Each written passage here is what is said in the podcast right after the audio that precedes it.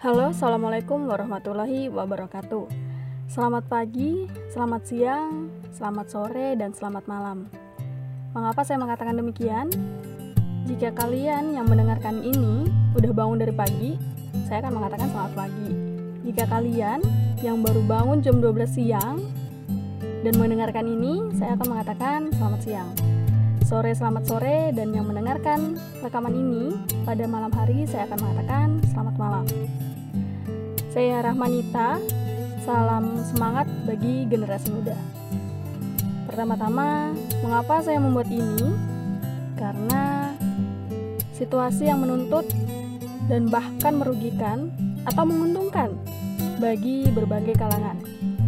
Contohnya saja seorang pengajar seorang pengajar dituntut untuk menyalurkan ilmunya dalam situasi apa pun, baik beliau sakit, kelaparan, kelelahan, atau tertimpa musibah. Yang hanya dipikirkan oleh seorang pengajar adalah muridnya.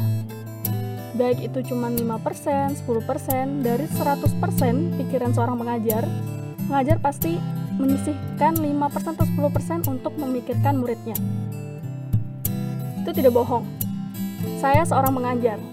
Saya telah memutar otak saya bagaimana caranya ilmu saya bisa sampai ke kalian.